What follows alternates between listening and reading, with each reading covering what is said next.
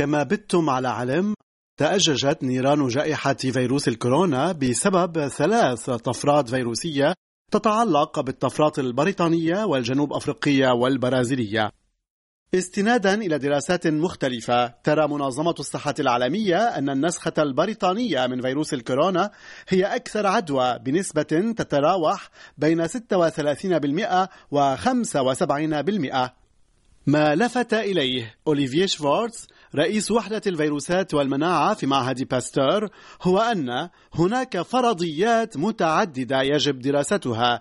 كأن يكون الحمل الفيروسي أعلى أو أن تكون بعض المتحورات الفيروسية تستطيع الدخول إلى الخلايا بسهولة أكبر أو أن تكون قادرة على التكاثر بسرعة أكبر.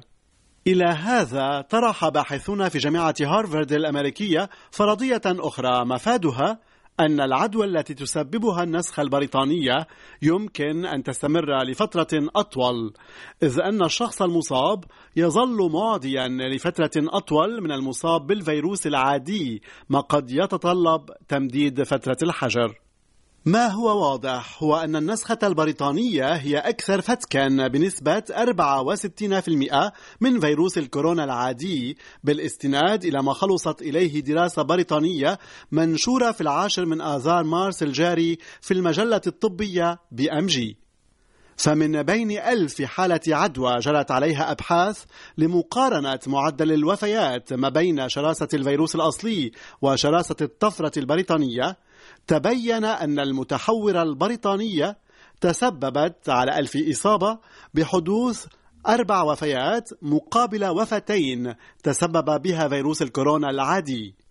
بالإضافة إلى ذلك واستنادا إلى دراسات أخرى أجريت في جنوب أفريقيا تقدر منظمة الصحة العالمية أن النسخة الجنوب أفريقية من فيروس الكورونا تزيد من خطر وفاة المرضى القابعين في المستشفى بنسبة 20%.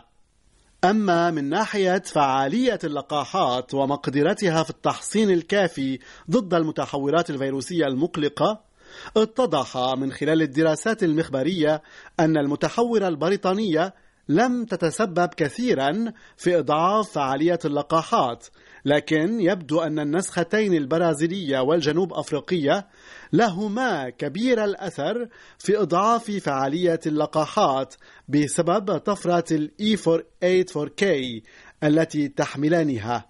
لكن ضعف فعالية اللقاحات ضد بعض المتحورات لا يعني أنها لم تعد فعالة على الإطلاق. يبقى أن نشير ختاما إلى أن اشتداد ثقتنا باللقاحات والقبول بتلقيها هما المدخلان الأساسيان لتحقيق مناعة القطيع الجماعية التي حينما نتوصل إليها نتوصل إلى استعادة بريق العيش مثل ما كان ما قبل الجائحة.